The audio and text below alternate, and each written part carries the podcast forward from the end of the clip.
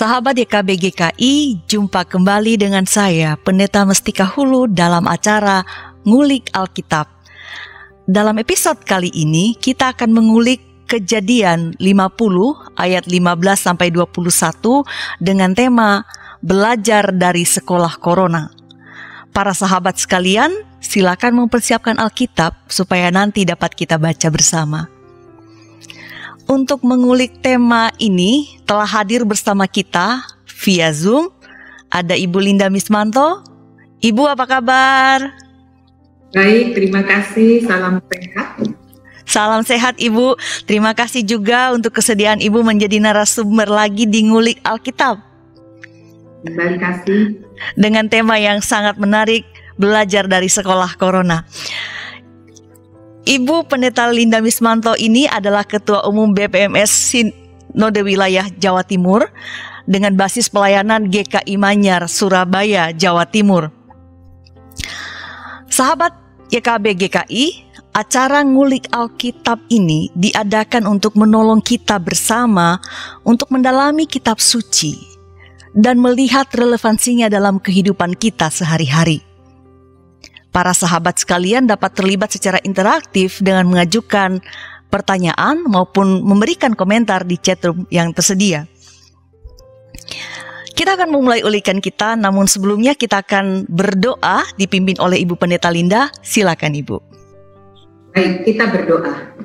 Tuhan, terima kasih untuk kesempatan setiap saat Tuhan ingin membimbing kami kami belajar dari segala sesuatu yang Tuhan izinkan terjadi dalam hidup kami, juga dari orang-orang yang kami jumpai dalam hidup ini. Kiranya kami menjadi semakin serupa dengan Kristus. Kami mohon bimbinglah kesempatan pada saat ini untuk kami bagian dari firman Tuhan. Dalam nama Tuhan Yesus, kami mohon Roh Kudus membimbing kami. Amin. Amin. Sahabat, saya akan membacakan kejadian pasal 50 ayat 15 sampai 21 dan kiranya para sahabat juga sudah siap dengan Alkitabnya. Kejadian pasal 50 ayat 15 sampai 21 Ketika saudara-saudara Yusuf melihat bahwa ayah mereka telah mati, berkatalah mereka, "Boleh jadi Yusuf akan mendendam kita dan membalaskan sepenuhnya kepada kita segala kejahatan yang telah kita lakukan kepadanya. Sebab itu, mereka menyuruh menyampaikan pesan ini kepada Yusuf. Sebelum ayahmu mati, ia telah berpesan, "Beginilah harus kamu katakan kepada Yusuf: Ampunilah kiranya kesalahan saudara-saudaramu dan dosa mereka, sebab mereka telah berbuat jahat kepadamu." Maka sekarang ampunilah kiranya kesalahan yang dibuat hamba-hamba Allah ayahmu. Lalu menangislah Yusuf ketika orang berkata demikian kepadanya. Juga saudara-saudaranya datang sendiri dan sujud di depannya serta berkata, Kami datang untuk menjadi budakmu. Tetapi Yusuf berkata kepada mereka, Janganlah takut, sebab aku inikah pengganti Allah. Memang kamu telah mereka-rekakan yang jahat terhadap aku, tetapi Allah telah mereka-rekakannya untuk kebaikan dengan maksud melakukan seperti yang terjadi sekarang ini, yakni memelihara hidup suatu bangsa yang besar. Jadi janganlah takut, aku akan menanggung makanmu dan makan anak-anakmu juga. Demikianlah ia menghiburkan mereka dan menenangkan hati mereka dengan perkataannya. Saya langsung ke Ibu Linda yang jadi narasumber kita di Ngulik Alkitab dengan tema menarik ini. Ibu, sebuah tema yang sangat menarik, belajar dari sekolah corona. Konon ya, konon belajar itu adalah sebuah proses yang berlangsung seumur hidup dari lahir sampai nanti kita menutup mata. Dan bukan hanya sekolah dari TK, SD dan seterusnya, tetapi sekolah yang sesungguhnya atau yang sejati adalah kehidupan ini. Demikian kata orang-orang. Nah, wabah COVID yang bukan hanya orang Indonesia di Indonesia, tetapi dunia mengalaminya juga menimbulkan dampak yang besar, luar biasa. Kita ibu dan para sahabat mengetahui juga hal itu mungkin terdampak juga. Berdampak hampir pada semua bidang kehidupan, bahkan pelayanan, sehingga kita sekarang ngezoom, nggak bisa ngumpul di studio. Seperti biasa. Nah, singkatnya ya Bu, kadang-kadang kita mengatakan begini, kehidupan menjadi sulit karena corona atau gara-gara corona. Ini semua gara-gara corona begitu ya. Dan tema yang kita pilih hari ini adalah Ibu pilih hari ini belajar dari sekolah corona. Ibu, pertanyaan saya, mengapa kita menyebutnya sekolah, Bu? Sekolah itu kan Bu, ada pelajarannya, ada ujiannya, bisa naik grade atau enggak. Apa sih Bu maksud dari dari tema ini sekolah corona? Iya, uh, kedengarannya keren ya. Iya, keren. Sekolah corona kayaknya belum ada nih ya. sekolah ada sekolah-sekolah dengan nama-nama unik begitu. Iya. Kita membayangkan uh, kehidupan ini bagaikan sekolah. Kita sedang memasuki apa yang disebut fase pandemi COVID-19. Corona virus disease. Kan begitu singkatnya. Corona itu yang beken begitu ya. Jadi yang kita bayangkan tentang sekolah itu apa tiga? Tadi, Tadi saya katakan menjadi lebih baik. Betul. Ada mentor atau guru yang membimbing. Kemudian ada kurikulum yang terukur dan yang pasti ada outcome yang diharapkan dari proses belajar mengajar tersebut. Saya ingat ketika dulu menjadi guru harus membuat apa rencana pelajaran sampai tujuan instruksional umum, tujuan instruksional khusus itu meliputi aspek kognitif, akal, afeksi, wah ribet sampai motorik. Jadi setelah belajar ini kira-kira naradidik kita diharapkan bisa apa? Kira-kira gitu. Kira-kira gitu ya. Namun itu semua ada batas waktu. Ada semester ada catur bulan ada tahun. Tapi yang berbeda hidup ini bagaikan sekolah tanpa batas waktu. Itu masalahnya ya bahkan kita tidak tahu corona ini akan berakhir kapan kabar yang tidak menyenangkan apa uh, vaksinnya belum ditemukan hmm. sehingga kita diajak berdamai. Nah ini sampai kapan? Kita bukan hanya menghadapi pertanyaan anak-anak kita, ma atau pa sampai kapan belajar di rumah? Atau sampai kapan virus ini ada? Kita bahkan tidak tahu. WHO pun tidak bisa menjamin. Kita tidak tahu. Namun kita boleh menganggap ini seperti sekolah fase satu fase dalam hidup kita di mana kita sedang menjalani. Belum pernah dialami orang lain. Belum pernah dialami sebelumnya oleh orang-orang di masa lalu. Sebelum kita lahir kita belum pernah ya. Sejak kita lahir kita belum pernah memasuki fase ini saya kira kita harus menghayati ini sebagai sebuah proses yang harusnya membuat kita lebih baik. Demikian pilihan buat kita. Baik Ibu, saya mengutip apa yang Ibu jelaskan bahwa uh, atau tema kita mengapa uh, mengapa situasi kita atau COVID yang kita kita hadapi ini diandaikan memasuki sebuah koro, uh, sekolah dalam artian uh, sekolah corona. Nah, tadi saya sudah bacakan uh, kejadian pasal 50 ayat 15 sampai 21 ya. Para sahabat juga semoga tadi mengikutinya. Ini kan bicara mengenai sikap Yusuf terhadap saudara-saudaranya setelah kematian ayahnya. Kita tahu bahwa di antara Yusuf dan saudara-saudaranya ada sesuatu yang berjalan tidak baik pada masa lampau. Nah, bagaimana peristiwa Yusuf ini yang di dalamnya ada pengampunan, ada kemudian pemulihan e, relasi gitu, bisa kita lihat sebagai sebuah pelajaran yang sejajar dalam menghadapi e, COVID yang tadi juga Ibu jelaskan tidak pernah kita ketahui akan terjadi dan kita tidak sampai sekarang ini paling tidak tidak kita ketahui juga kapan akan berakhir. Jadi, mengapa Bu? Mengapa ini jadi sekolah? Uh, dalam hidup ini ada banyak hal yang kita tidak bisa duga. Ya.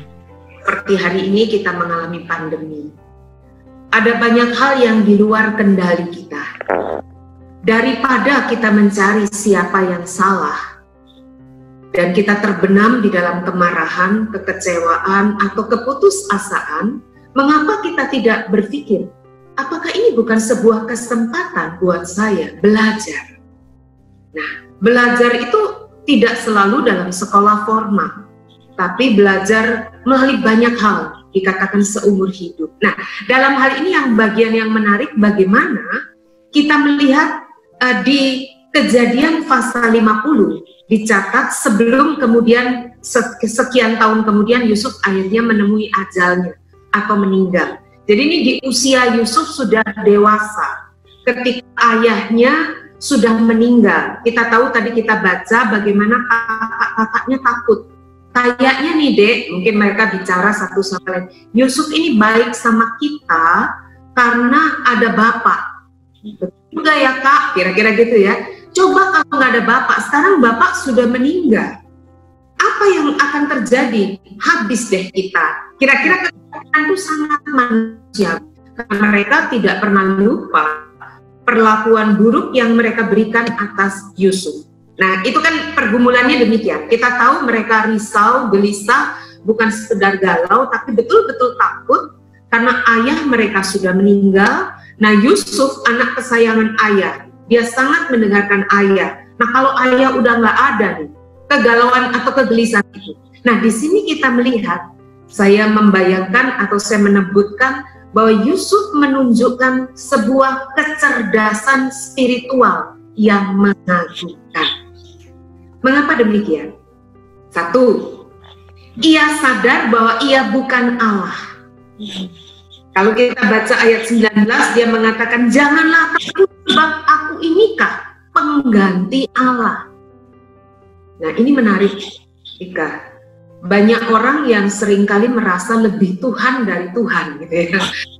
Bisa menghukum orang lain atau menghabisi, membinasakan, mematikan hidup orang lain.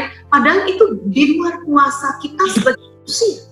Nah menariknya, meskipun di puncak kekuasaannya, kalau nanti kita lihat bahwa Yusuf itu orang kedua di Mesir. Selain Firaun tidak ada lagi yang lebih berkuasa. Bahkan nanti kalau kita baca bagian menunjukkan betapa almighty-nya, betapa berkuasanya Yusuf. Tapi ia sadar ia bukan Allah. Ini hal yang mengagumkan. Kita yang bukan siapa-siapa saja sering kali lupa. Kita merasa diri kita lebih Tuhan gitu ya menghakimi menghukum. Nah, yang kedua, ini menarik di ayat 20. Bolehkah kita membacakan kembali ayat 20 Baik. kejadian pasal 50 tadi? Kejadian 50 ayat 20 Yusuf mengatakan demikian, memang kamu telah mereka-rekakan yang jahat terhadap aku, tetapi Allah telah mereka-rekakannya untuk kebaikan dengan maksud melakukan seperti yang terjadi sekarang ini, yakni memelihara hidup suatu bangsa yang besar. Ya, Yusuf mampu melihat hal yang buruk. Jadi dia tidak menutup mata atau pura-pura lupa, tapi hatinya sakit. Ya. Seringkali kan kita begitu ya.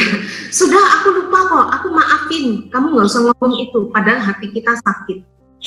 Mengatakan, aku tahu kamu melakukan hal yang buruk kakak-kakak, tapi ini yang menarik, ia mampu melihat hal yang buruk dalam perspektif ilahi. Ia mengatakan, Allah mereka-rekakan untuk kebaikan.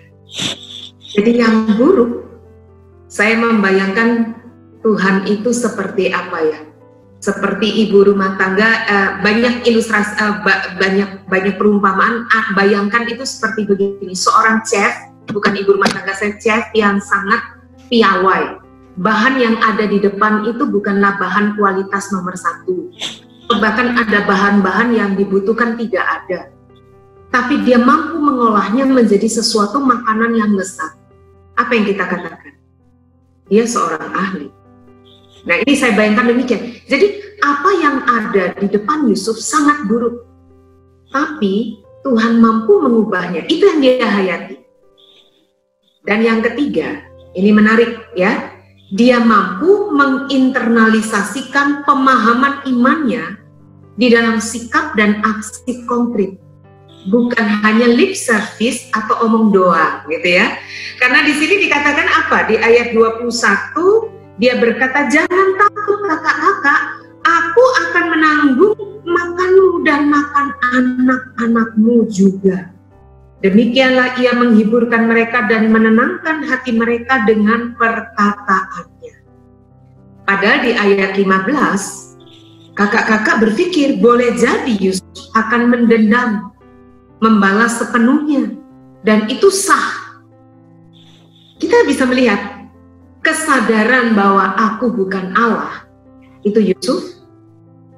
Kemudian mampu melihat apa yang buruk lalu menempatkannya dalam perspektif ilahi bahwa Allah mampu mengubah itu begitu apa begitu terinternalisasi atau bahasa sederhana begitu merasuk dalam hidupnya begitu menjiwa mendarah mendaging dalam hidupnya sehingga yang muncul adalah perbuatan yang konkret apa itu memberikan kehidupan pada kakak-kakaknya memberikan makan. Bahkan dia katakan, aku menjamin hidupmu, menanggung makanmu.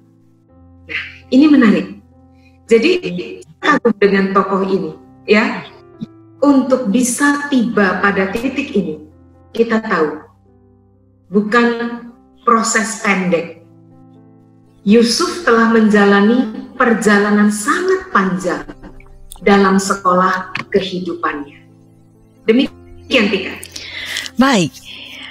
Yusuf memiliki kecerdasan spiritual yang mengagumkan yang dia timba dari sekolah kehidupan.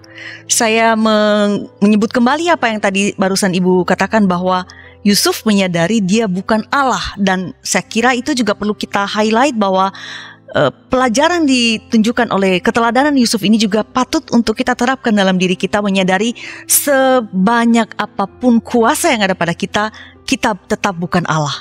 Dan seburuk apa pun situasi hidup yang kita alami, kita juga mampu melihat bahwa selalu ada kebaikan Allah di balik semua itu. Baik, penjelasan Ibu mengenai kecerdasan spiritual Yusuf dari sekolah kehidupan yang dilaluinya dan kecerdasan selanjutnya yang akan dimiliki oleh Yusuf sebagai hasil dari sekolah tersebut akan kita lanjutkan setelah pesan-pesan berikut ini.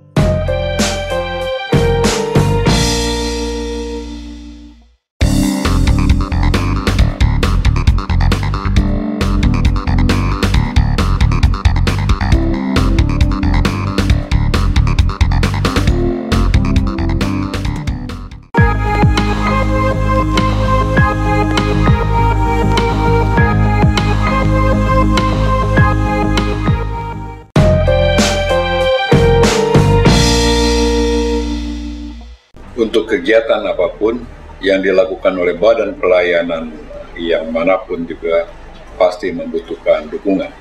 Salah satunya adalah dukungan dana. Oleh karena itu, YKB GKI Media juga membutuhkan dukungan dana dari kita semua.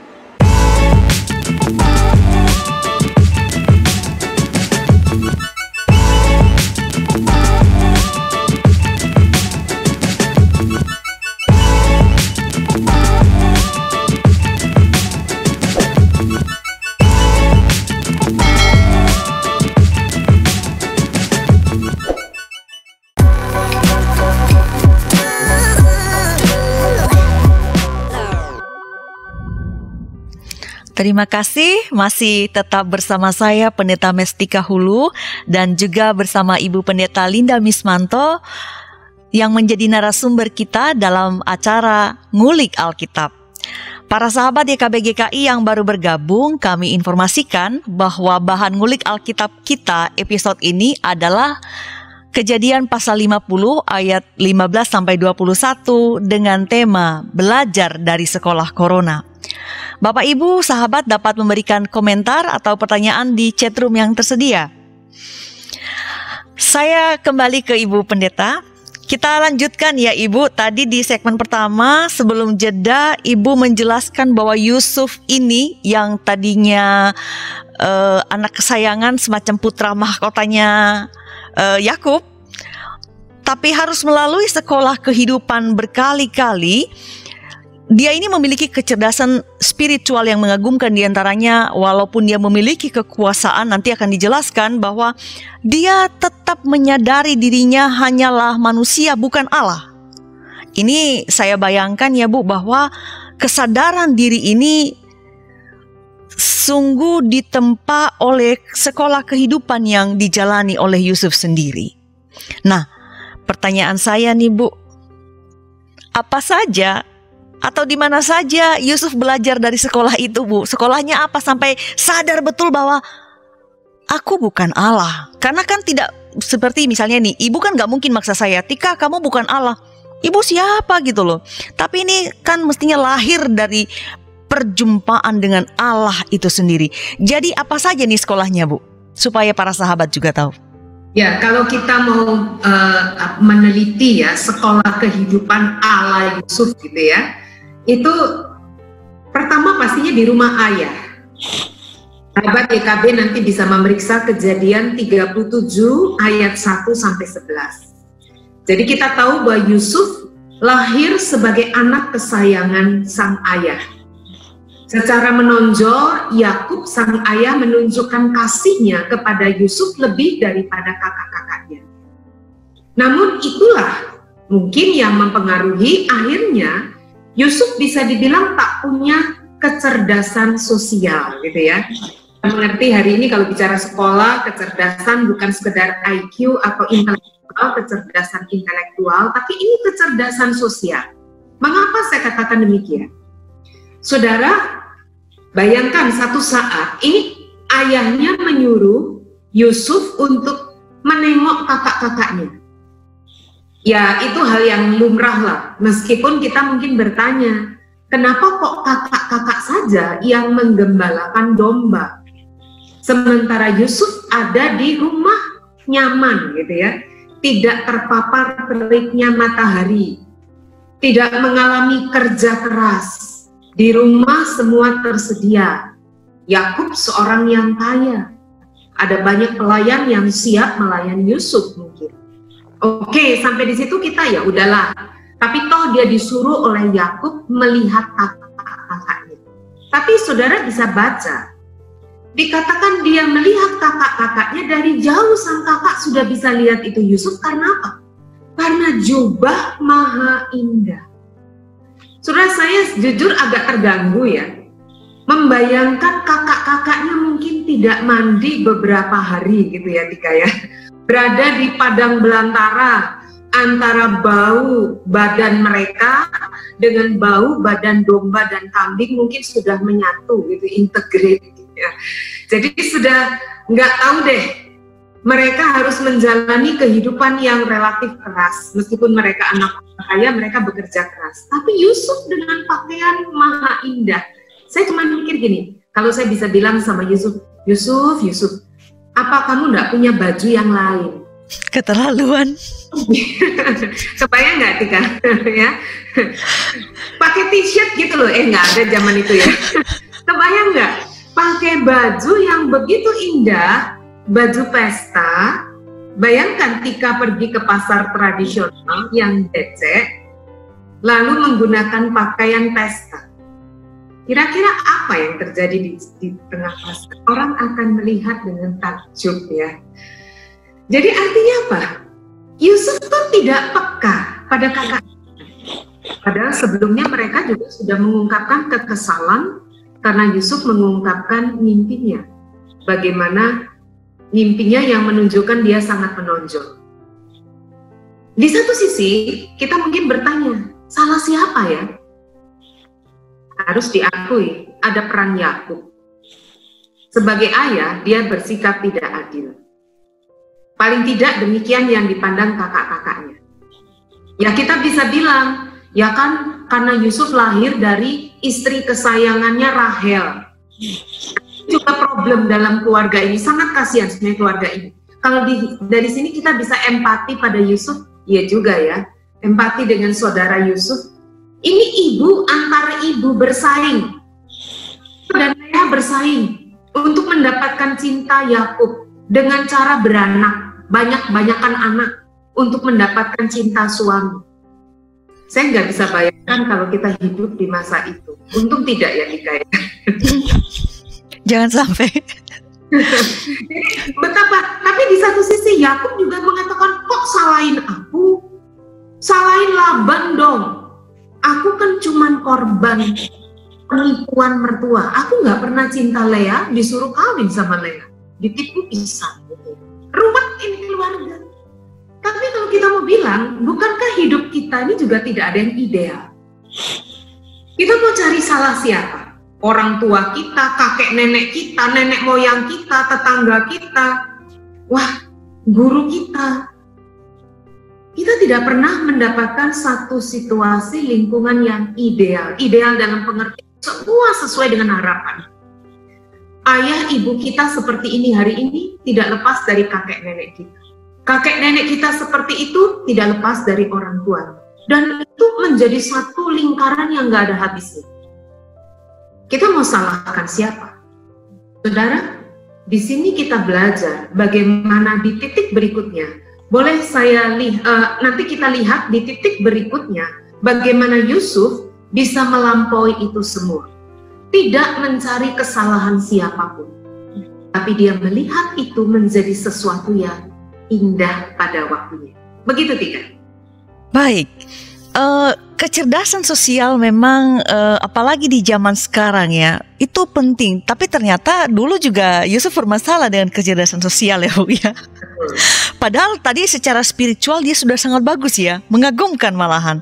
Tapi uh, paling tidak catatan buat saya dan para sahabat, kadang-kadang kecerdasan spiritual pengetahuan kita tentang Allah tidak berjalan selaras dengan pengetahuan atau kecerdasan sosial kita yang membuat mengganggu hubungan kita dengan orang lain. Nah, Ibu, uh, apakah kelak Yusuf ini akan berubah dalam artian kecerdasan sosial yang memprihatinkan ini akan membaik selaras dengan kecerdasan spiritualnya dan kalau Yusuf berubah ya ibu supaya ini juga bisa belajar uh, pengharapan pada kita bahwa kita semua bisa berubah apakah perubahan yang terjadi pada Yusuf ini diperolehnya dari hasil belajarnya yang sesungguhnya luar biasa itu, Bu. Betul. Jadi uh, yang tadi kita baca dari kejadian 50 tuh endingnya nih. Jadi kayak bikin kita melalui ngulik Alkitab lihat endingnya dulu nih Tika. Tapi kalau kita lihat ke belakang, ternyata Yusuf tidak ubahnya mungkin dengan kita. Hmm, baik. Ini menjadi harapan buat kita bahwa seburuk apa pun kita masih ada harapan untuk berubah untuk menjadi lebih baik melalui sekolah hidup kita. Kira-kira demikian. Nah, yang menarik pertanyaan Tika tadi, ya pasti bahwa seseorang tak mungkin Yusuf dalam hal ini tak mungkin menjadi pemimpin tanpa kecerdasan sosial. Nah, itu menjadi satu integrasi yang luar biasa. Kalau kita bicara kecerdasan spiritual, tak mungkin hanya urusan dengan Tuhan sesama. Jadi meskinya, mestinya kecerdasan spiritual meliputi juga kecerdasan sosial. Kalau meminjam istilah kesalehan pribadi, hmm. mestinya berdampak dalam kesalehan sosial. Kita tidak hanya bicara urusan aku dengan Tuhan. Nah, jadi artinya Yusuf bisa menjadi pemimpin yang hebat, menjadi orang nomor dua uh, di samping Firaun setelah Firaun, karena dia telah belajar semua itu. Jadi bagaimana ia belajar berempati yang tadinya tidak peduli pada saudara-saudaranya sekarang bahkan bukan hanya empati bahkan melakukan sesuatu yang lebih daripada seharusnya pada saudara-saudaranya telah berbuat jahat. Nah, untuk itu kita harus lihat dulu fase berikutnya. Boleh kita lihat fase berikut dari sekolah sekolah coronanya eh sekolah corona, sekolah hidup okay. ala Yusuf? Silakan Ibu. Ya, ini sekarang fase berikutnya kan dia dijual oleh kakak-kakaknya menjadi budak. Dan ini sangat menyedihkan ya. Harga budaknya Yusuf, harga Yusuf sebagai budak cuma 20 sikal perak. Dan harga budak cacat sebenarnya. Padahal Yusuf itu tidak cacat. Dia muda, kalau sampai istri Potifar tertarik berarti dia cakep, eh cakep, handsome, cakep, ganteng gitu ya, tampan. Dan di rumah Potifar dia bekerja. Nah ini menarik. Potifar begitu mempercayai Yusuf, segala kuasa diberikan pada Yusuf di rumahnya dan luar biasa. Tapi di sinilah kita menemukan bagaimana Yusuf melewati ujian, kalau saya bilang ujian pertama dia, soal iman dan integritas. Ketika membaca kejadian pasal 39 ayat 8 sampai 9. Kejadian 39 ayat 8 sampai 9. Baik. Kejadian pasal 39 ayat 8 sampai 9 saya baca, tetapi Yusuf menolak dan berkata kepada istri tuannya itu, dengan bantuanku, tuanku itu tidak lagi mengatur apa yang ada di rumah ini, dan ia telah menyerahkan segala miliknya pada kekuasaanku. Bahkan di rumah ini, ia tidak lebih besar kuasanya daripadaku, dan tiada yang tidak diserahkannya kepadaku selain daripada engkau, sebab engkau istrinya. Bagaimanakah mungkin aku melakukan kejahatan yang besar ini dan berbuat dosa terhadap Allah? kelihatan kecerdasan spiritualnya lagi ya Bu? Ya, ini menarik ya Tika ya. Jadi uh, begini, Yusuf itu kan sudah dalam status budak, dia dijual. Saya cuma membayangkan pasti dia pas berdoa pada Allah ya, Allah yang dipercaya Abraham, Ishak dan Yakub ayahnya. Dan keadaan sepertinya tidak berubah, tetap dia budak di rumah Potifar. Jadi keadaan seperti tidak berpihak kecuali bahwa dia diberi kuasa, tapi tetap dia adalah budak. Nah, di tengah situasi itu, ini Nyonya Potifar tertarik nih pada dia. Cerita ini kan sangat terkenal ya. Nah, yang menariknya Tika, kalimat terakhir yang tadi Tika baca, kita baca adalah ketika dia digoda oleh istri Potifar, ya. apa katanya? Saya iya, bayangkan itu dibuat dalam imajinasi kita yang bebas Mengapa Yusuf tidak bilang gini, jangan dong tante. Nah ini bayangkan si Yusuf masih, uh, waktu itu usia Yusuf 17 tahun loh. Di rumah ayahnya 17 tahun berarti kurang lebih sekitar itu. Ini istri Potifar taruhlah 40 ya, manggil tante pantas lah. Atau lebih ya. Janganlah tante gitu ya. Nanti kalau ketahuan om gimana gitu ya. Atau jangan ibu atau nyonya. Nanti kalau ketahuan tuan gimana? Tenang kata nyonya Potifar. Sudah aku atur bisa begitu kan? Lalu si Yusuf bilang, kan kalau budak-budak lain atau pegawai-pegawai pembantu-pembantu lain di rumah ini tahu gimana, tar bisa lapor loh. Ini saya imajinasikan di zaman sekarang. Ya ampun Yusuf, tenang, aku sudah suruh beli super mie atau indomie atau apa pun ke Korea. Kebayang nggak sih artinya apa? ya artinya nggak akan terganggu deh. Kita akan melakukannya. Misalnya Yusuf bertanya demikian. Dia tidak mengatakan itu sama sekali. Dia mengatakan apa?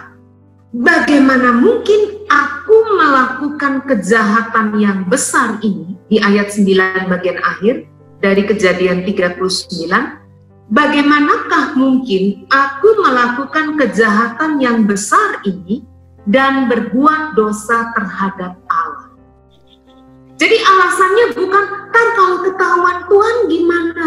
Tar kalau ketahuan orang gimana itu bisa diatur? Ini yang luar biasa. Sungguh-sungguh bagaimana imannya dan integritasnya itu menyatu bahkan di tengah yang di, di situasi atau di tengah keadaan yang paling buruk dalam hidupnya. Dia budak. Kalau bertanya Tuhan, di mana engkau? Apa Tuhan masih peduli pada hidupku? Lalu mengapa engkau membiarkan aku menjadi budak? Jangan lupa dia anak orang kaya ya. Jadi malah punya budak di rumah ayahnya. Sekarang di mana Tuhan? Yang luar biasa. Di titik terendah dalam hidupnya, Yusuf masih menghormati Allah yang berotoritas dalam hidupnya. Dia masih menghormati, dia masih bagaimana mungkin aku melakukan kejahatan yang besar ini dan berbuat dosa terhadap Allah. Jadi dia masih hormat pada Allah. Dia masih sadar Allah ada dan patut dia indahkan. Ini yang keren menurut saya, seorang anak muda 17 tahunan masih bisa sedemikian istimewa. Ujian pertama dia lewat, iman dan integritas. Begitu tiga. Ibu, ketika ibu menjelaskan itu, uh, hati saya sungguh-sungguh, uh, saya tidak bilang ini hanya berdebar, tapi saya merasakan hati saya, saya sulit gambarkan, tapi Perkataan ibu bahwa di tengah kesulitannya pun di mana dia layak mempertanyakan Allah, justru Yusuf ini mempertahankan integritasnya dan berkata bagaimana mungkin aku berlaku tidak baik atau mengkhianati Allah bahkan di situasi yang sebenarnya seolah-olah mengkhianati dia. Dan bagi saya secara personal itu sebuah pelajaran mengenai kerendahan hati, mengenai ketaatan dan banyak hal. Dan sekali lagi tadi juga di awal yang sudah Ibu jelaskan saya katakan ini tentu lahir dari sekolah kehidupan yang ini keras banget yang dihadapi Yusuf dialami Yusuf tapi membuatnya mampu melihat segala kebaikan Allah. Bahkan tadi Ibu katakan seorang yang tidak punya empati yang tidak punya kecerdasan sosial ke Padang dengan dengan baju maha indah, kemudian mengalami perubahan luar biasa, sebagai seorang yang juga mengalami sekolah kehidupan, saya dan kiranya para sahabat sekalian juga dapat melihat hal ini sebagai uh, sebuah sikap yang patut diteladani dan integritas. Tadi Ibu menegaskan itu juga. Oke Ibu, sudah dua sekolah kehidupan yang ditempuh oleh Yusuf dan di dua sekolah yang keras ini di rumah ayahnya dan di rumah uh, Potifar dan dengan ujian dari tante Potifar, Yusuf berhasil. Sebetulnya ada berapa lagi Bu sekolah yang dijalani Yusuf ini? Tapi Ibu jangan jawab dulu. Kita akan lanjutkan penjelasan Ibu mengenai sekolah kehidupan Allah Yusuf ini setelah pesan-pesan berikut.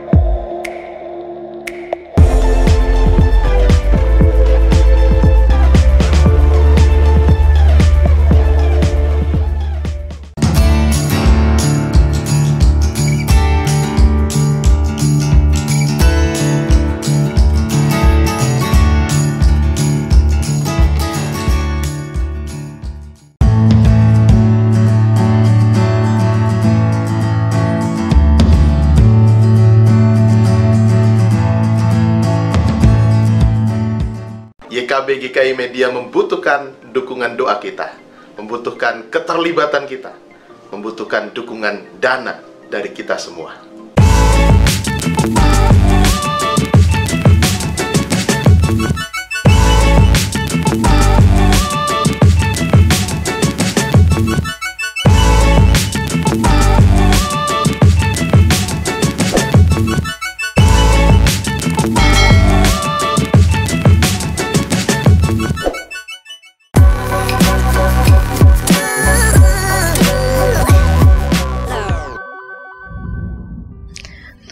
Sahabat YKB GKI masih tetap bersama saya Pendeta Mestika Hulu dan juga masih bersama Ibu Pendeta Linda Mismanto yang menjadi narasumber dalam acara Ngulik Alkitab.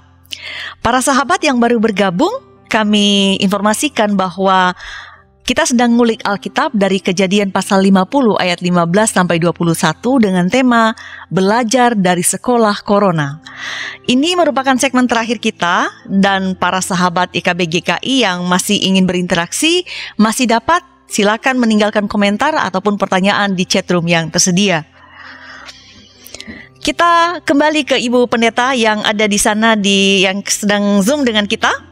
Ibu tadi sudah mengulas dua sekolah kehidupan yang ditempuh oleh Yusuf. Di rumah ayahnya, tadi para sahabat juga sudah mendengar, dan di rumah uh, tuan atau majikannya Potifar. Dua sekolah yang kita lihat, bisa kita baca di kitab suci kita bahwa ini tidak mudah. Tetapi ketidakmudahan itu justru nanti uh, akan menghasilkan perubahan yang luar biasa kepada uh, Yusuf dan sebelum kita melihat perubahan itu terjadi, dua sekolah yang tidak mudah dan harus dilalui Yusuf ini justru mengantarkannya pada sekolah yang lain.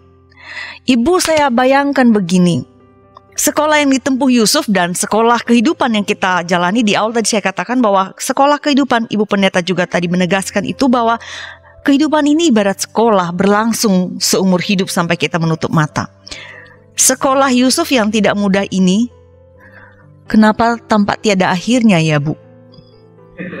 Ini kok berat banget ya. Tapi sebelum Ibu menjawab itu, saya ingin tanyakan, sudah dua sekolah yang dilalui Yusuf. Masih ada berapa lagi sih Bu? Kok kayak banyak banget ya Bu ya? yang berikutnya ya, sekolah yang berikutnya yang sama tidak enaknya yaitu di dalam penjara. Ini lebih buruk kayaknya Bu. Penjara karena istri Potifar memfitnah dia. Lalu berandai-andai andai Yusuf mengikuti kemauan istri Potifar, kira-kira jangan-jangan hidupnya lebih enak. Nah, kadang-kadang kan kita juga merasakan begitu ya. Saya jujur, bukannya mujur, tapi ajur. Ajur itu bahasa Jawa untuk mengatakan hancur. Ketika saya mencoba benar, hidup saya tambah susah. Dan ini bisa saja uh, muncul dalam pengalaman Yusuf dan ini yang kita lihat dia berada di dalam penjara. Tapi memang tidak sempat penulis kitab kejadian tidak sempat mengungkapkan seperti apa perasaan Yusuf. Hanya dicatat, bolehkah kita baca kejadian 39, ini menarik. Ayat 21, kejadian 39, ayat 21 sampai 23. Baik, saya bacakan kejadian 39 ayat 21 sampai 23. Tetapi Tuhan menyertai Yusuf dan melimpahkan kasih setianya kepadanya dan membuat Yusuf kesayangan bagi kepala penjara itu. Sebab itu kepala penjara mempercayakan semua tahanan dalam penjara itu kepada Yusuf dan segala pekerjaan yang harus dilakukan di situ dialah yang mengurusnya. Dan kepala penjara tidak mencampuri segala yang dipercayakannya kepada Yusuf karena Tuhan menyertai dia dan apa yang dikerjakannya Yusuf dibuat Tuhan berhasil. Luar biasa sekali ya Bu ya. Ya, nah ini menarik. Saya garis bawahi kalimat ini. Dan kepala penjara tidak mencampuri segala yang dipercayakannya kepada Yusuf. Ini kalau saya jadi Yusuf ya, atau kalau sahabat YKB Tika menjadi Yusuf, Kira-kira kalau misalnya pekerjaan di penjara beres, sebagai Yusuf ini dihargai nggak, dipuji nggak oleh atasan? Dipuji dong, Bu. Penjara atau misalnya Firaun gitu ya. Yang dipuji siapa kalau pekerjaan beres? Atasan. Yusuf atau sang kepala penjara? Kepala penjara. Iya toh, jadi paham ya. Jadi gini, saya bayangkan gini, kalau saya jadi Yusuf atau kita jadi Yusuf, mungkin kita pikir gini, enak aja gue yang kerja, dia yang dipuji. Ntar giliran kalau ada kekacauan, aku yang disalahin. Karena apa dikatakan semua tahanan dipercayakan pada Bu Yusuf. Segala pekerjaan harus dilakukan. Dialah atau si Yusuflah yang mengurusnya. Kalau kita mau hitung-hitungan, terus kepala penjaranya ngapain aja? Terima gaji buta, kira-kira begitu ya. Nah, kesel nggak? Nah, tapi yang luar biasa Pak, Yusuf mengerjakan itu dengan setia. Saya melihat di sinilah ini sekolah Yusuf. Ujian kedua dia soal dedikasi, pengabdian, komitmen. Sang kepala penjara saya percaya tidak akan duduk-duduk diam-diam saja. Pasti dia juga mengawasi Sementara dia beri kepercayaan pada itu, dia juga mengawasi apakah kepercayaan itu betul-betul dilakukan dengan baik oleh Yusuf. Kalau tidak, resikonya dia juga kehilangan jabatan atau bahkan hukuman mati kan kalau ada apa-apa. Misalnya tahanan kabur karena Yusuf lalai, wah itu kepala penjara bisa habis. Ini contoh ya. Saya percaya sebagai seorang kepala penjara, sang kepala penjara pasti mengawasi. Tapi dia sambil ngawasi, dia melihat, nih anak istimewa. Masih muda, tapi sangat berdedikasi, sangat setia, sangat berkomitmen. Saya pikir ini adalah modal kelak Yusuf menjadi pemimpin nomor dua di Mesir. Karena kemudian boleh saya lanjutkan Tika? Silakan Ibu. Karena kemudian Yusuf berada di pusat kekuasaan. Kita ceritanya dalam kitab kejadian dicatat bahwa raja atau Firaun merasa gelisah karena dia bermimpi tidak ada yang bisa menafsirkan. Lalu Yusuf yang bisa menafsirkan karena Yusuf menolong seorang pegawai raja yang kemudian memberikan rekomendasi sempat dilupakan juga si Yusuf lalu kemudian ingat si pegawai raja lalu Yusuf dipanggil lalu dengan sangat uh, luar biasa Yusuf menjelaskan arti mimpi kepada Firaun sampai Firaun sangat terkesan lalu memberikan kepercayaan pada Yusuf. Dia tahu Yusuf orang istimewa, orang ini patut diberi kepercayaan. Padahal Firaun belum memuji manajemen kemampuan Yusuf, kecuali mungkin ada rekomendasi dari kepala penjara. Mungkin penjara memberitahu, oh Yusuf itu bisa dipercaya, dia bisa mengatur ini itu dan sebagainya. Tapi pendeknya, singkat singkat cerita, sekarang Yusuf berada di pusat kekuasaan. Nah, saya jadi ingat, saya lupa siapa yang mengatakan seorang tokoh mengatakan, karakter seseorang yang sesungguhnya dapat dilihat pada saat ia berpuasa. Jadi kalau dia bukan siapa-siapa, bukan apa-apa, mungkin kelihatan rendah hati, baik, karena dia ya tidak punya pilihan. Tapi kalau dia berada di pusat kekuasaan di puncak, punya jabatan. Nah, itu loh karakter sejati dia seperti apa. Dan itu betul. Saudara, dalam diri Yusuf kita temukan kebenaran. Yusuf di kejadian 41 ayat 42 dan 43 dikatakan menerima semua atribut kekuasaan cincin meterai diberikan oleh Firaun pada jari Yusuf. Pakaian dari kain halus, kalung emas, bahkan disebut kereta Firaun. Jadi Firaun tuh kasih keretanya, pakailah. Masih ada lagi yang menarik. Bolehkah Tika baca kejadian 41, sahabat YKB juga bisa buka, ayat 44. 44. Baik. Kejadian pasal 41 ayat 44 Berkatalah Firaun kepada Yusuf, Akulah Firaun, tetapi dengan tidak setahumu, seorang pun tidak boleh bergerak di seluruh, seluruh tanah Mesir. Seorang pun tidak boleh bergerak tanpa persetujuan Yusuf. Iya, ini keren banget ya. wow. ya betapa apa bet, ya kita bisa melihat pada masa itu kekuasaan Firaun luar biasa ya. Yeah. Uh, seperti itu. Nah, di sini dikatakan saya saya baca terjemahan atau uh, terjemahan versi bis ya. Baik. Kita terjemahan baru, saya akan baca pembandingnya versi bahasa Indonesia sehari-hari ayat yang sama. Hmm. Kata raja kepadanya, Firaun itu raja, akulah raja dan aku mengumumkan bahwa tanpa izinmu tidak seorang pun di seluruh Mesir boleh melakukan apa-apa. Ini bahasa metafora hiperbola ya. Jadi umpamanya saya mau gosok hidung karena gatal, izin dulu nih sama ibu. ya tentu tidak begitu ya. Intinya apa? Dia tuh almighty, sangat berkuasa, maha kuasa setelah Firaun. Jadi Firaun itu luar biasa memberikan kekuasaan. Nah, justru ini kita melihat Yusuf bisa melakukan apa saja.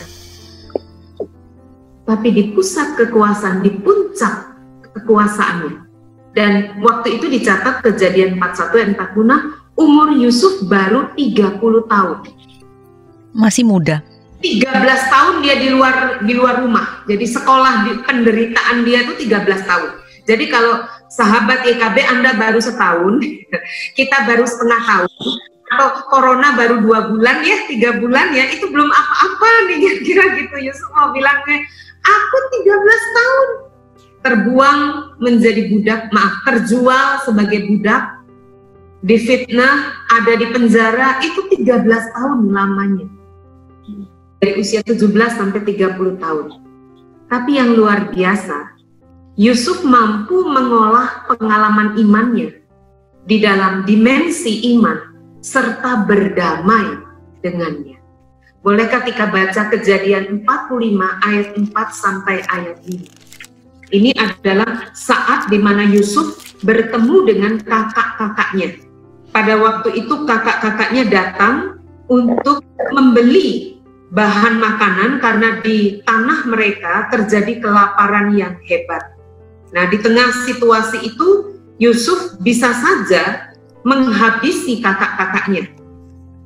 Berbuat membalaskan dendam kepada kakak-kakaknya dan mereka sangat takut. Tapi apa yang dikatakan Yusuf di Kejadian 45 ayat 4 sampai 5. Boleh mohon Tika membantu?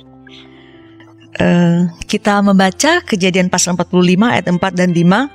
Lalu kata Yusuf kepada saudara-saudaranya itu, "Marilah dekat-dekat."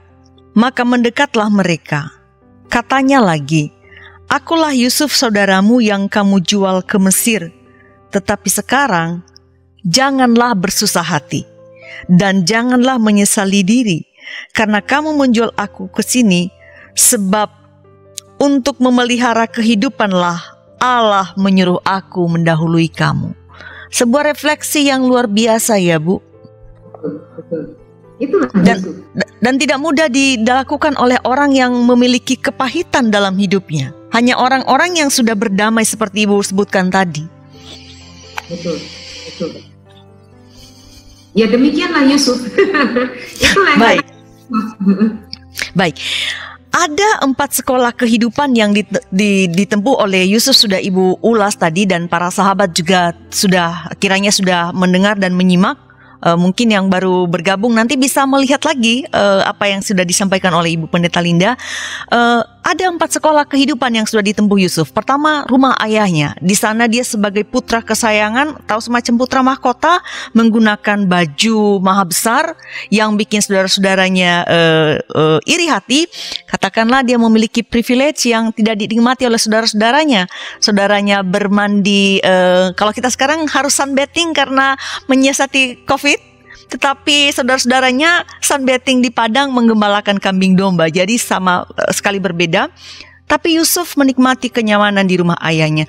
Kedua, putra kesayangan ini harus pindah belajar karena dijual oleh saudara-saudaranya ke rumah majikannya Potifar. Kita juga tadi sudah menyimak bahwa dia menikmati juga privilege dalam artian dia boleh mengelola apa pun tetapi sekali lagi ini menjadi sekolah kehidupan yang mengantarkannya bukan semakin mudah, tetapi lebih agak parah tadi saya bilangnya menyedihkan. Dia bahkan masuk penjara. Dan ini di penjara saya pikir saya dan kita semua bukan sekolah yang kita inginkan, tapi putra mahkotanya Yakub ini harus menjalani demikian. Dan keempat, Tadi saya mau mengutip apa yang disampaikan oleh Ibu Pendeta Linda dan juga dikutip dari uh, tokoh atau siapa yang mengatakan bahwa karakter seseorang sesungguhnya diuji di puncak kekuasaan. Tidak seorang pun boleh bergerak di Mesir tanpa Yusuf memberikan izin atau persetujuan. Sekolah yang sambung menyambung dan sungguh tidak mudah ya Bu. Tetapi kita lihat tadi bahkan dalam penjara Yusuf berhasil melaluinya mempertahankan imannya juga. Jadi ingat ya Bu, kalau sekarang ini kan suka ada semacam um, sekolah motivasi atau begitu ya Bu. Biasanya kurang kurang lebih ada pertanyaan kayak gini Bu. Apa sih rahasianya? Apa sih kunci sukses Yusuf Bu di semua sekolah kehidupan itu? Saya ya tergelitik nanya, apa sih Bu seolah-olah ini saya bayangkan motivasi gitu ya. Apa sih kuncinya Bu? Apa sih rahasianya? Ya, Uh, setidaknya ada dua ya. Sebenarnya kalau banyak kita susah ngafalnya. Oh baik bu. Yang pertama menaruh Tuhan di pusat hidupmu.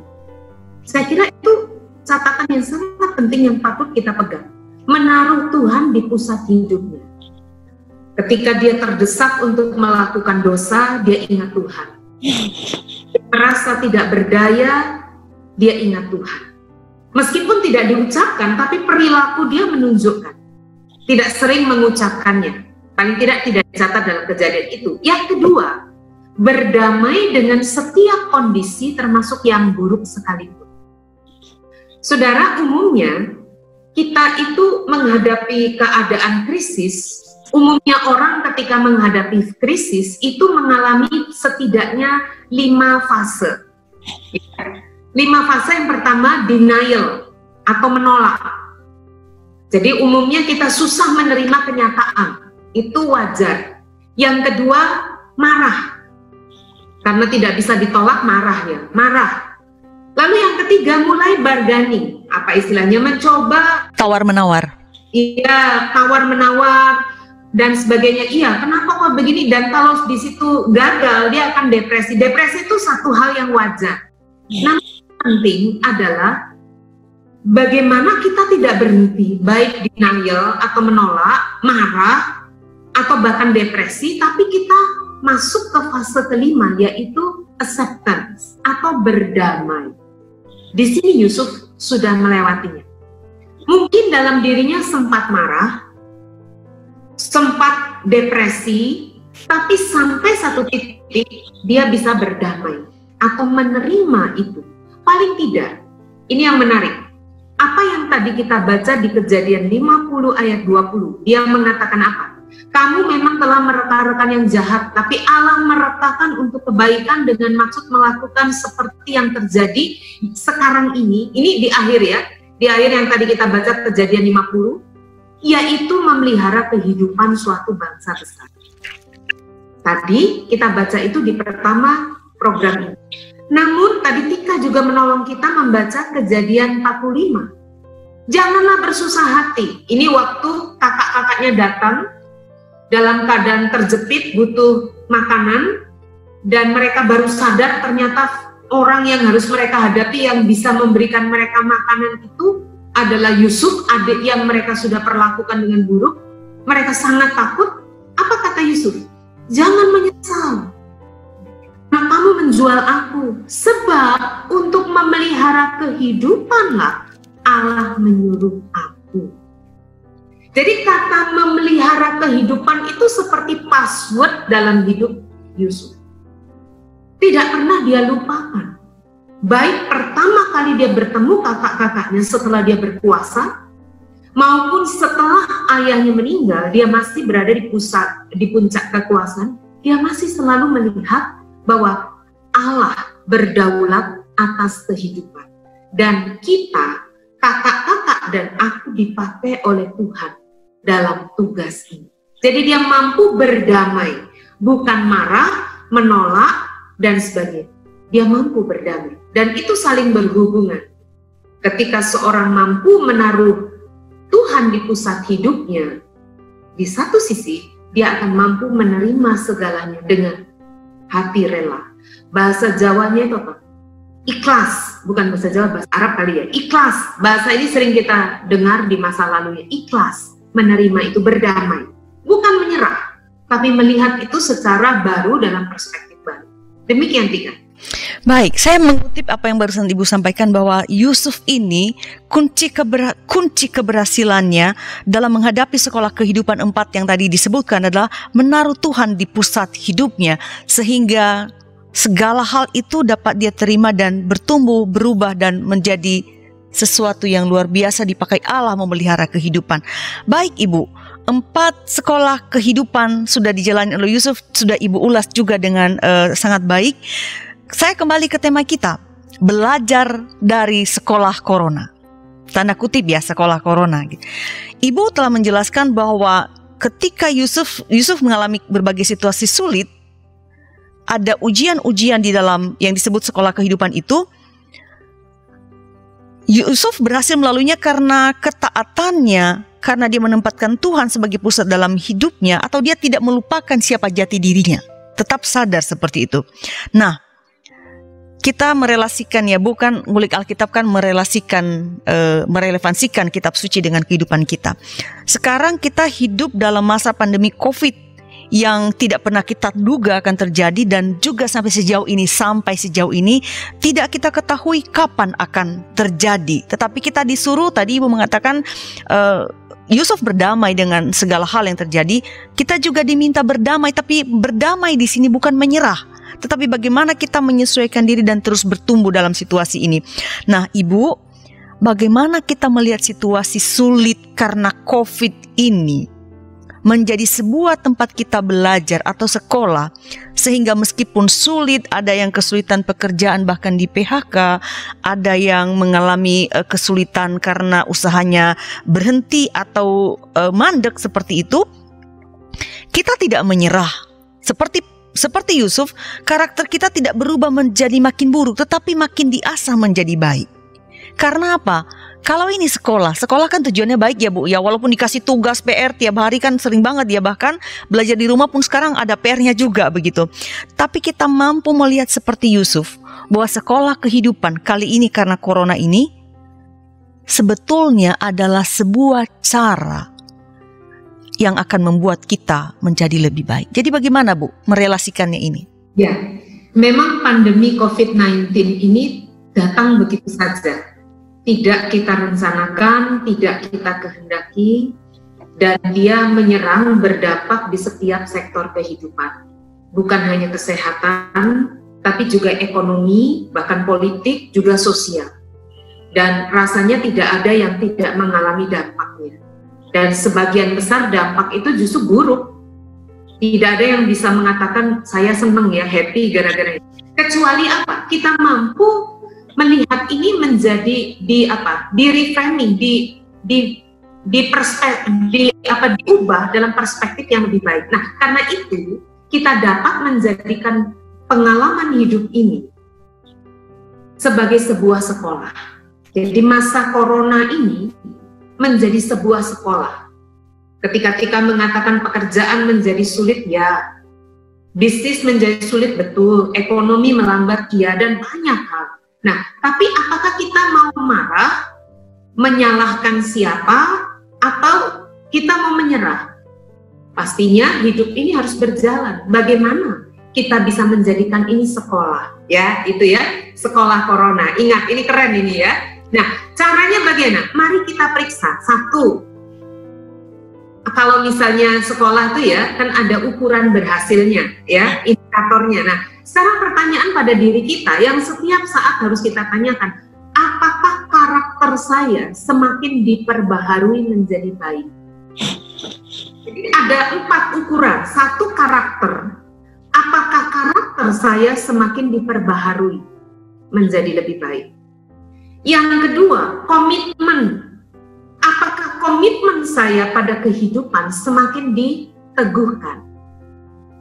Karena sering kali kita harus mengakui dan kita harus memeriksa sejauh ini bagaimana kita memandang dan memperlakukan diri kita dan sesama kita.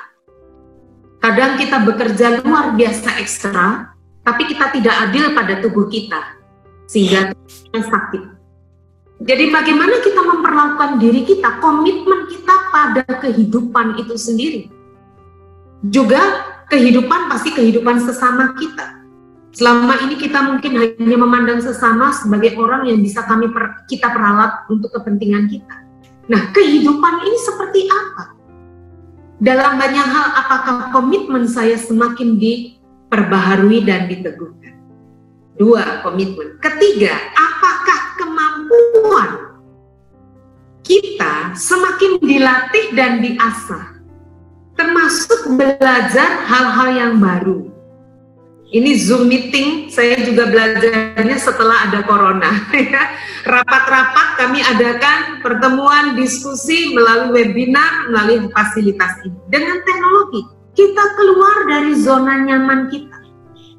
Kita tidak bisa bersikeras, sudah, aku cuma bisa kayak begini, mau apa? Iya memang kita harus didorong untuk mengasah dan melatih kemampuan kita. Dan kabar baiknya, Manusia adalah makhluk yang paling punya kemampuan beradaptasi. Masih bisa. Dan selama ini kemampuan yang kita gunakan sebagai manusia kabarnya tidak ada separuhnya. Jadi kebanyakan kita masih belum gunakan kemampuan kita ya. Jadi mari kita melatih, mengasah, jangan segan mencoba yang baru. Dan kalau karakter, komitmen dan kemampuan ini di GKI ini menjadi standarnya seorang calon pendeta, pendeta dan penatua.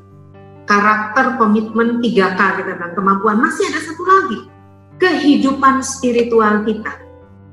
Semakin diteguhkankah? Semakin disegarkankah?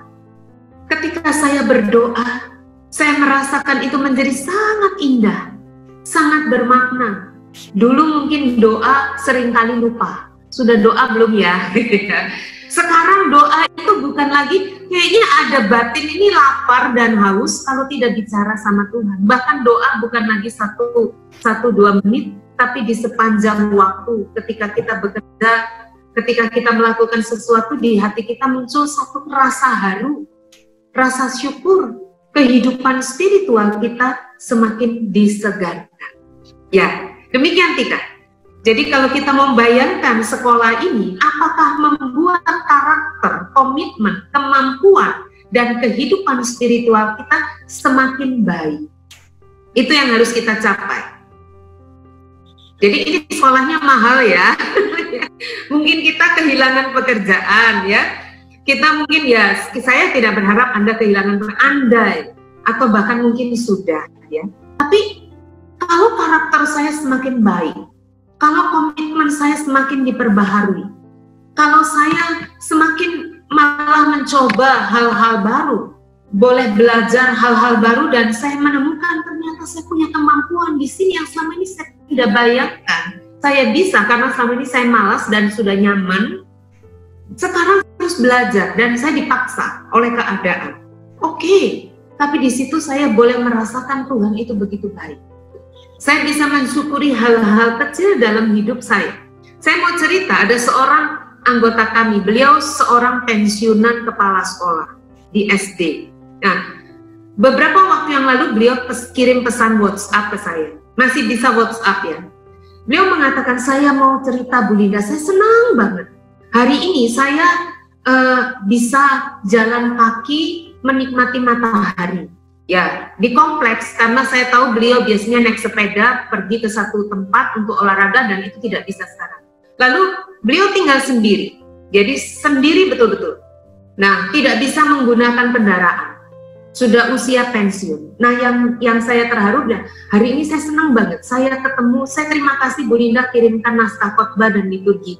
Saya senang banget ketemu dengan dia sebut driver kami, Pak Doni dan Pak Har hari ini ke rumah. Saya senang banget. Mungkin kami sudah tiga bulan, kita sudah tiga bulan tidak ketemu. Saya senang banget. Saya merasa tersentuh. Kebahagiaan beliau, saya sudah izin Bu, ini saya akan sharing ya Bu, boleh boleh Bu.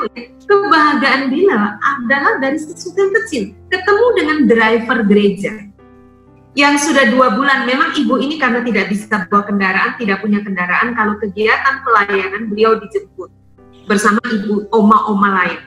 Jadi saya senang banget ya, saya sampai terharu banget bisa ketemu.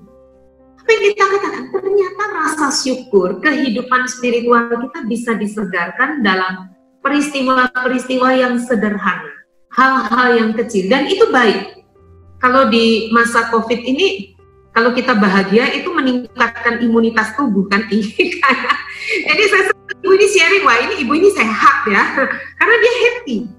Daripada dia merenung sendirian melihat tembok hidup sendiri kok susah ya, wah depresi itu lebih tergampang terserang oleh virus. Jadi happy, nah, hal sederhana, ketemu driver, jalan pagi, menikmati matahari, oke, okay, hal sederhana. Ya, begitu Tika. Baik, Ibu uh, sebuah kisah yang kiranya juga membantu kita semua bahwa di tengah kesulitan hal-hal kecil itu bisa membangkitkan syukur dan memberikan kebahagiaan bagi kita. Ibu terima kasih banyak atas penjelasan yang diberikan luar biasa dalam mengulik Alkitab ini dalam tema sekolah belajar dari sekolah corona.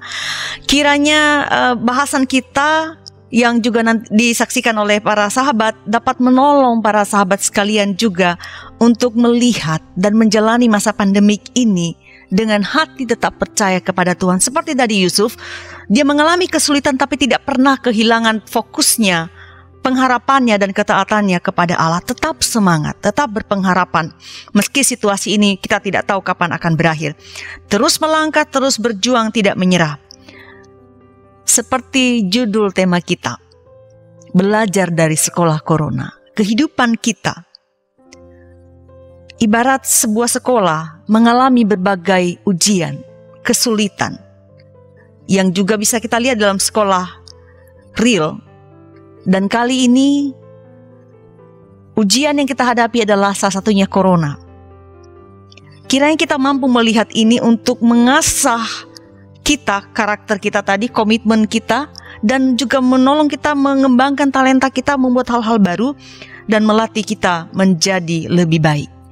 Kita jalani ini bukan dengan sungut-sungut, bukan kehilangan pengharapan, bukan menjadi lebih buruk, tapi seperti Yusuf, ini melatih kita menjadi orang-orang yang tangguh, menjadi orang-orang yang justru lebih close, lebih dekat dengan Allah, lebih menaruh pengharapan pada Allah, pada saat yang sama juga lebih peduli pada orang lain yang mungkin tidak sempat kita lakukan dalam kesibukan yang luar biasa dari pagi ketemu pagi.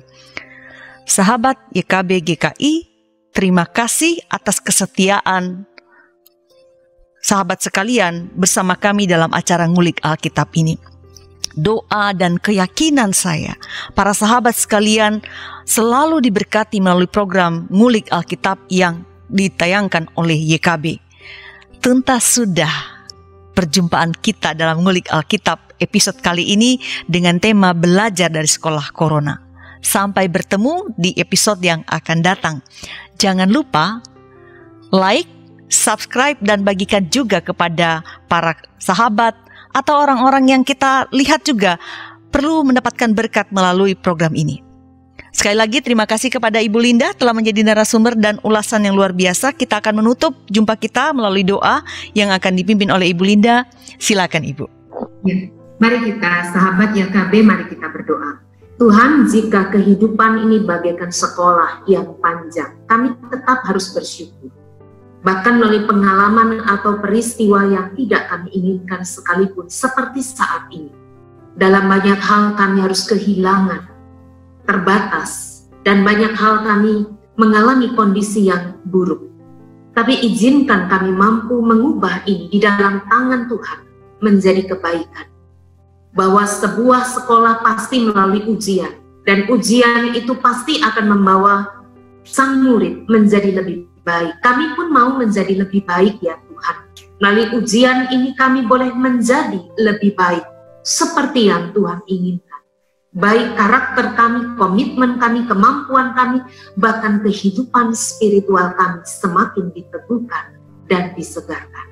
Bimbinglah kami Tuhan, jika kami lelah, mohon Tuhan kuatkan, mohon Tuhan bersabar ketika kami tidak mampu menjalaninya dengan mudah. Kami mohon Tuhan senantiasa menyertai kami. Dalam nama Tuhan Yesus. Amin. Amin. Untuk kegiatan apa pun yang dilakukan oleh badan pelayanan yang mana pun juga pasti membutuhkan dukungan. Salah satunya adalah dukungan dana. Oleh karena itu, YKB GKI Media juga membutuhkan dukungan dana dari kita semua.